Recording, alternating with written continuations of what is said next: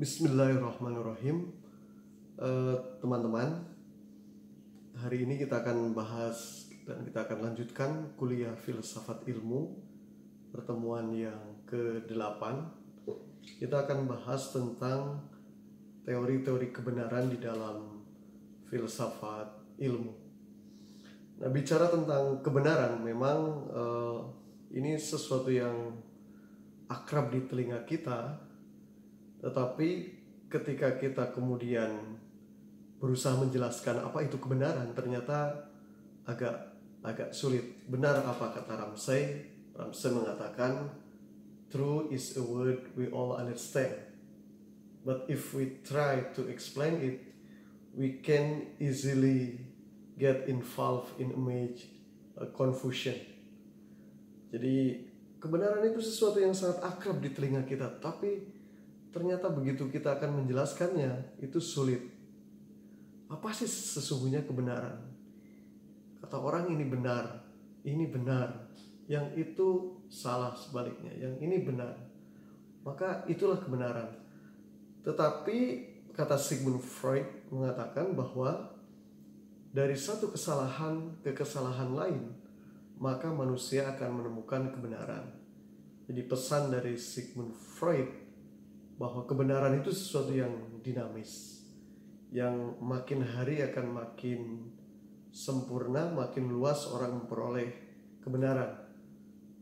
Nah, teman-teman, kata kebenaran ini juga eh, terkait dengan sesuatu kata yang konkret juga abstrak. Konkret misalkan, oh ini eh, es campur ini eh, enak begitu atau manis gitu. Begitu Anda cicipi dan kemudian manis, maka itu kebenaran terkait dengan hal yang konkret gitu. Itu contoh sederhana lah. Tetapi ketika anak saya misalkan menghitung 3 kali 7 berapa? Oh 3 kali 7 itu adalah 21. Dan kita tidak pernah membuktikan 21 itu seperti apa di di alam nyata gitu. Pokoknya percaya aja 3 kali 7 itu adalah sama dengan 21. Maka itu adalah kebenaran, kebenaran yang terkait dengan sesuatu yang abstrak. Nah, kemudian kebenaran itu memiliki sifat-sifat. Yang pertama, kebenaran dilihat dari atau berdasarkan tingkat kualitas pengetahuan subjek. Yang pertama, kebenaran dilihat dari tingkat kebenaran common sense atau knowledge of the man in the street. Yaitu pengetahuan yang diperoleh dari jalanan. Ini yang sering kali orang berdebat dengan kebenaran.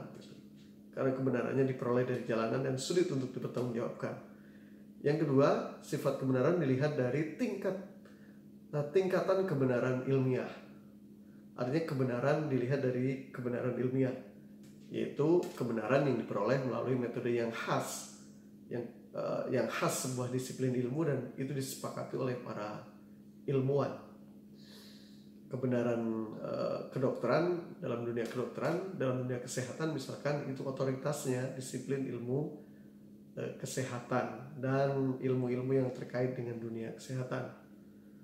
Kebenaran dalam dunia pendidikan semestinya tapi ini sangat kompleks semestinya itu adalah juga otoritasnya para ahli pendidikan. Nah, itulah kebenaran ilmiah uh, tingkatan yang kedua. Yang tingkatan yang ketiga adalah uh, tingkatan filosofis, yaitu kebenarannya sifatnya analitis, kritis, tapi sekaligus juga spekulatif, sebagaimana yang kita jelaskan pada pertemuan-pertemuan terdahulu tentang sifat dasar filsafat. Kemudian yang keempat, agama agama memiliki kebenaran yang absolut. Eh, orang Islam akan mempercayai bahwa Islam adalah agama yang memiliki kebenaran yang bila kaifa tidak bisa dipertentangkan. Orang Kristen juga begitu. Orang uh, Buddha juga begitu. Orang Hindu juga begitu dan seterusnya. Jadi kebenaran agama, kebenaran yang uh, absolut menurut para pengikutnya masing-masing. Nah, sifat yang kedua dari kebenaran, kebenaran dikaitkan dengan sifat atau karakteristik dari bagaimana cara atau dengan alat apakah seseorang membangun pengetahuannya. Implikasinya, jika pengetahuan itu dibangun lewat indrawi, maka pengetahuannya pengetahuan indrawi. Dalam bahasa lain, pengetahuan yang sifatnya empiris. Kemudian yang kedua, pengetahuan yang melalui akal budi, yaitu pengetahuan uh, yang sifatnya rasional, maka melahirkan apa yang disebut dengan aliran rasional atau rasionalisme. Yang ketiga, intuitif. Dalam bahasa Islam biasa disebut dengan irfani. Nah, teman-teman, uh, Kemudian sifat kebenaran yang ketiga itu dikaitkan dengan ketergantungan terjadinya pengetahuan. Jika sebuah pengetahuan kebenarannya bisa eh, kebenaran kebenarannya itu dilihat apakah subjek yang lebih dominan atau ataukah objek yang lebih dominan, maka bisa diambil kesimpulan jika subjek dominan kebenarannya sifatnya subjektif, tapi tentu subjektif dalam kerangka kebenaran ilmiah bukan subjektif semau gue atau seenaknya dewe ya. Yang kedua, jika objek yang dominan maka kebenarannya orang menyebutnya itu disebut dengan kebenaran objektif. Gitu. Nah teman-teman, selanjutnya yang ketiga yang ingin saya sampaikan adalah setelah uh, kita membincangkan apa itu kebenaran, kemudian sifat dari kebenaran, yang ketiga adalah teori kebenaran. Dalam filsafat ilmu, Teori kebenaran itu ada tiga. Pertama adalah teori kebenaran sebagai persesuaian yang disebut dengan teori korespondensi. Yang kedua teori kebenaran sebagai keteguhan yang disebut dengan teori koherensi. Yang ketiga teori kebenaran pragmatis atau the pragmatic theory of the truth. Dan yang keempat adalah kebenaran performatif. Nah, yang pertama dalam uh, filsafat ilmu teori kebenaran yang dasar adalah teori kebenaran koresponden atau corresponding theory of the truth. Uh, Williams mengatakan bahwa quite simply something is true if there is agreement with the fact. With the fact. Nah, jadi sangat mudah untuk menjelaskan apa itu teori kebenaran korespondensi. Jadi sesuatu dianggap benar jika sesuatu itu berkesesuaian dengan fakta oleh karena itulah benar jika berkesesuaian dengan kenyataan. Teori ini juga teori yang sangat lawas. Diawali oleh teori pengetahuan Aristoteles yang mengatakan bahwa segala sesuatu yang kita ketahui adalah sesuatu yang dapat dikembalikan pada kenyataan yang dikenal subjek. Jadi disebut benar apabila berkesesuaian dengan fakta. Kebenaran ini sering disebut dengan kebenaran empiris Contohnya misalkan pernyataan Indonesia negara Islami. Itu bisa benar, bisa salah. Indonesia negara Islami benar misalkan ada indikator-indikator tentang benar bahwa Indonesia adalah negara Islami. Misalkan eh, banyak masjid, peringatan-peringatan hari besar Islam diliburkan, negara memfasilitasi berbagai kegiatan keagamaan. Nah itu eh, misalkan kita bisa mengatakan betul Indonesia adalah negara yang yang islami. Nah, ciri khas pengetahuan uh, kebenaran korespondensi ini adalah mengutamakan pengalaman dan pengamatan indrawi sebagai sumber pengetahuan manusia. Sehingga kebenaran korespondensi menekankan bukti atau evidence bagi kebenaran suatu pengetahuan. Nah, kemudian yang kedua adalah teori kebenaran koherensi. Jadi, teori ini adalah teori kebenaran sebagai keteguhan Teori ini juga sangat tua dan tradisional, dibangun oleh kaum rasionalis seperti Leibniz, Spinoza, dan René Descartes, Hegel. Nah, kebenaran itu adalah relasi proposisi baru dengan proposisi yang sudah ada. Luis mengatakan, dalam konteks kebenaran koherensi, suatu proposisi cenderung benar jika proposisi tersebut dalam keadaan saling berhubungan dengan proposisi-proposisi lain yang benar atau jika makna yang dikandungnya dalam keadaan saling berhubungan dengan pengalaman kita. Demikian kata uh, Lois Kasov. Contoh kebenaran korespondensi misalkan, Indonesia diproklamirkan kemerdekaannya pada tanggal 17 Agustus tahun 1945, hari Jumat 17 Ramadan. kebenaran pernyataan ini dapat diuji melalui ungkapan-ungkapan tentang fakta kejadian-kejadian sejarah atau dapat diafirmasikan pada orang-orang yang mengalami atau mengetahui kejadian tersebut. Nah, selanjutnya ciri khas kebenaran koherensi itu adalah tadi logis sehingga cara kerjanya uh, deduktif sehingga kebenaran itu diandaikan secara a priori tanpa perlu dicek dengan kenyataan atau fakta. Kemudian teman-teman yang ketiga adalah teori kebenaran pragmatik atau pragmatic theory of the truth.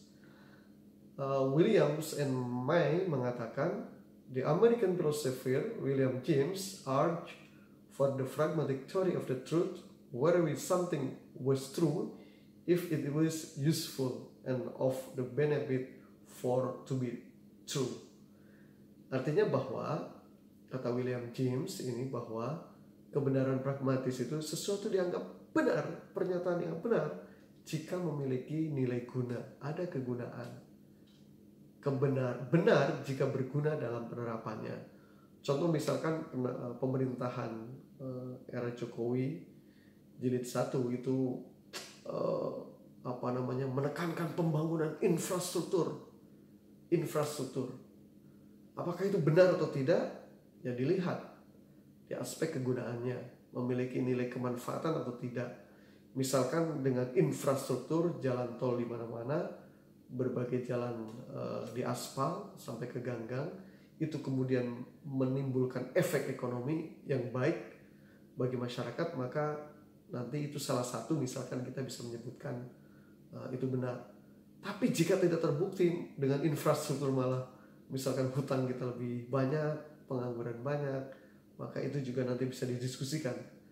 Uh, pembangunan infrastruktur itu uh, mungkin ada sesuatu yang miss atau yang salah. Gitu. Nah kemudian yang terakhir yang keempat adalah teori kebenaran performatif.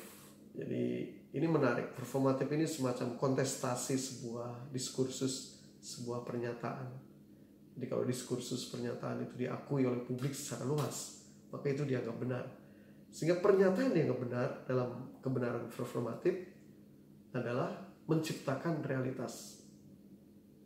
Jadi bukan pernyataan yang mengungkapkan realitas, namun dengan pernyataan tercipta realitas.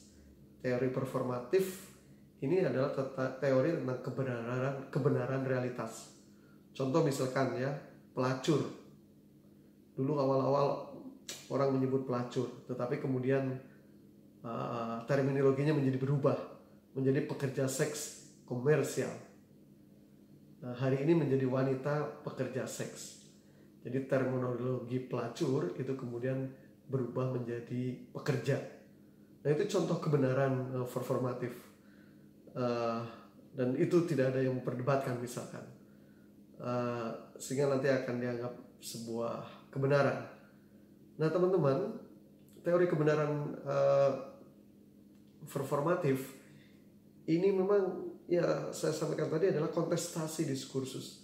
Kalau diskursus itu diakui, kemudian nanti lambat laun pengikutnya banyak, lambat laun, laun pengakuannya banyak, maka itu akan menjadi sebuah kebenaran.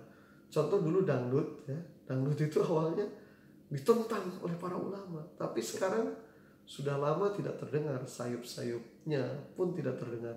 Sehingga dangdut is my country. Dangdut itu menjadi bagian penting dalam kehidupan kita yang hadir di kampanye hadir di hajatan hadir di kegiatan-kegiatan keagamaan bahkan nah teman-teman mengakhiri pembicaraan saya bahwa kebenaran itu memang harus diperoleh melalui penelitian penelitian itu sebuah proses hasilnya kebenaran Penelitian itu sebuah proses, hasilnya kebenaran dan ilmu pengetahuan. Demikian eh, teman-teman tentang uh, diskusi kita tentang teori-teori kebenaran. Ada sesungguhnya teori-teori kebenaran yang lain, tetapi bagi saya cukup menjadi prinsip dasar untuk di dalam filsafat ilmu untuk untuk menggali empat kebenaran ini. Assalamualaikum warahmatullahi wabarakatuh.